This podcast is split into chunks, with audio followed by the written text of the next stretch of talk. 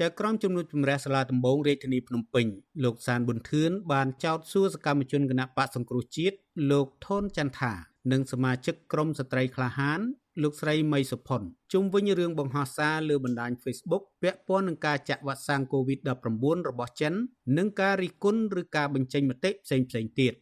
មេធាវីការពារក្តីឲ្យសកម្មជនទាំងពីរនាក់គឺលោកសំសុគង្គថ្លែងថាសកម្មភាពរបស់កូនក្តីលោកអំពីការបង្ហោះសារតាក់ទងវ៉ាក់សាំងរបស់ចិន និងការបញ្ចេញមតិផ្សេងទៀតរួមទាំងការចូលរួមជាមួយក្រុមស្ត្រីក្លាហាននោះគឺជាសិទ្ធិសេរីភាពដែលធានាដោយរដ្ឋធម្មនុញ្ញ មេធាវីរូបនេះស្នើឲ្យតុលាការទម្លាក់ចោលការចោទប្រកាន់និងដោះលែងកូនក្តីរបស់លោកឲ្យមានសេរីភាពឡើងវិញនៅថ្ងៃប្រកាសសាលក្រមខាងមុខនេះព្រោះពួកគាត់មិនបានប្រព្រឹត្តកំហុសដោយការចោទប្រកាន់របស់តុលាការនោះទេ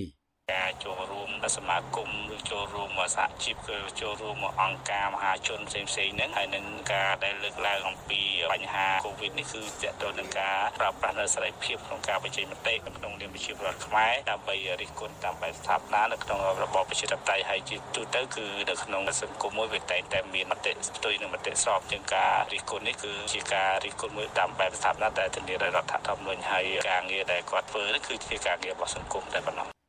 សមត្ថកិច្ចបានចាប់ខ្លួនសកម្មជនគណៈបកប្រឆាំងលោកស្រីមីសុផុន និងលោកថនចន្ទថា កាលពីចុងខែកុម្ភៈឆ្នាំ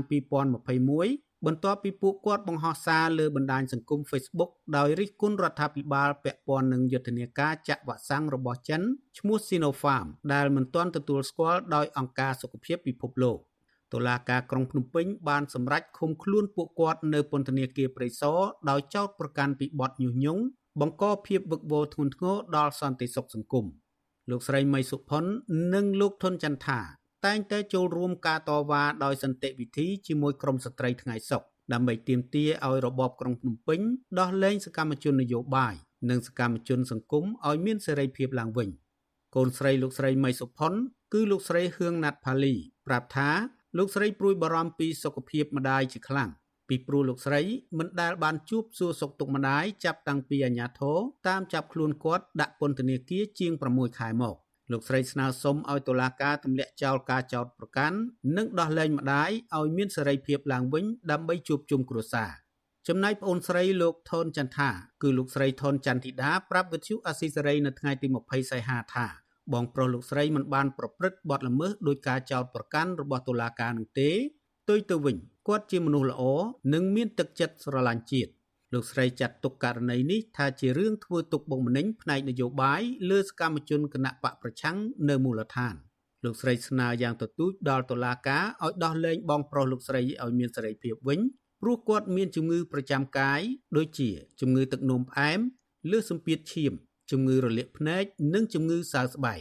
ជាងថាប្រទេសខ្លួនឯងជាប្រទេសលទ្ធិប្រជាធិបតេយ្យហ្នឹងឲ្យប្រជាជនក្នុងការបញ្ចេញនៅមតិយោបល់ថាបញ្ចេញមតិរឿងការចាក់វ៉ាក់សាំងក៏ចាប់គ្នាដែរទុំមិនញខ្លាំងហ្មងសម្រាប់ប្រជាជនឲ្យតែយើងបញ្ចេញមតិយោបល់បញ្ចេញអីមិនតិចគឺដឹងតែផ្លូវមួយគម្រាមកំហែងចាក់ដាក់គុកទាំងអស់គ្នាអញ្ចឹងដើម្បីកុំឲ្យប្រជាជនងើបឡើងវាយវឺតក្រាបទាំងអស់អញ្ចឹងជុំវិញរឿងនេះនាយករងទទួលបន្ទុកផ្នែកឃ្លាំមើលសិទ្ធិមនុស្សនៃអង្គការលីកាដូលោកអំសំអាត មានប្រសាសន៍ថា ការចាប់ខ្លួននិងចោទប្រកាន់ពលរដ្ឋដែលបញ្ចេញមតិរិះគន់គឺជាការរំលោភបំពានសិទ្ធិពលរដ្ឋមន្ត្រីសង្គមស៊ីវិលរូបនេះស្នើដល់តុលាការឲ្យពិចារណាឲ្យច្បាស់លាស់មុននឹងចាប់ខ្លួន ឬចោទប្រកាន់លើអ្នកប្រើប្រាស់សិទ្ធិសេរីភាពបញ្ចេញមតិទាំងនោះ។ ឲ្យរាល់ការបញ្ចេញមតិអាជ្ញាធរនិងតុលាការគឺត្រូវតែពិនិត្យពិចារណាថាការបញ្ចេញមតិមួយណាគឺជាសិទ្ធិសេរីភាពក្នុងការបញ្ចេញមតិឬក៏សំណេរឬក៏សម្ដីប្រភេទណាដែលអាចចាត់ទុកថាជាបទល្មើសអាហ្នឹងយើងត្រូវថឹងថ្លែងឲ្យបានច្បាស់លាស់មុននឹងអនុវត្តក្នុងការចាប់ឬក៏ចោទប្រកាន់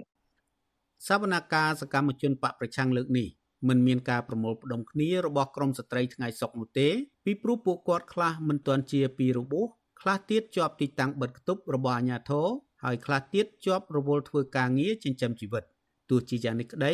ពួកគាត់ឲ្យដឹងថាការតវ៉ាដោយសន្តិវិធីអាចនឹងមាននៅសប្តាហ៍ក្រោយទៀតហើយពួកគាត់នៅតែប្រកាន់ជំហរដដែលគឺទាមទារឲ្យអាជ្ញាធរដោះលែងនិងទម្លាក់ចោលបទចោទប្រកាន់លើក្រុមគ្រួសារពួកគាត់និងអ្នកជាប់ឃុំក្នុងសំណុំរឿងនយោបាយដទៃទៀតមកទល់ពេលនេះរបបក្រុងភ្នំពេញបានចាប់ខ្លួនសកម្មជននយោបាយ សង្គមសកម្មជនសិទ្ធិមនុស្សនិងអ្នកការពារបរិស្ថានជាង80នាក់ដាក់ពន្ធនាគារដោយសារការអនុវត្តសិទ្ធិជាមូលដ្ឋានរបស់ខ្លួន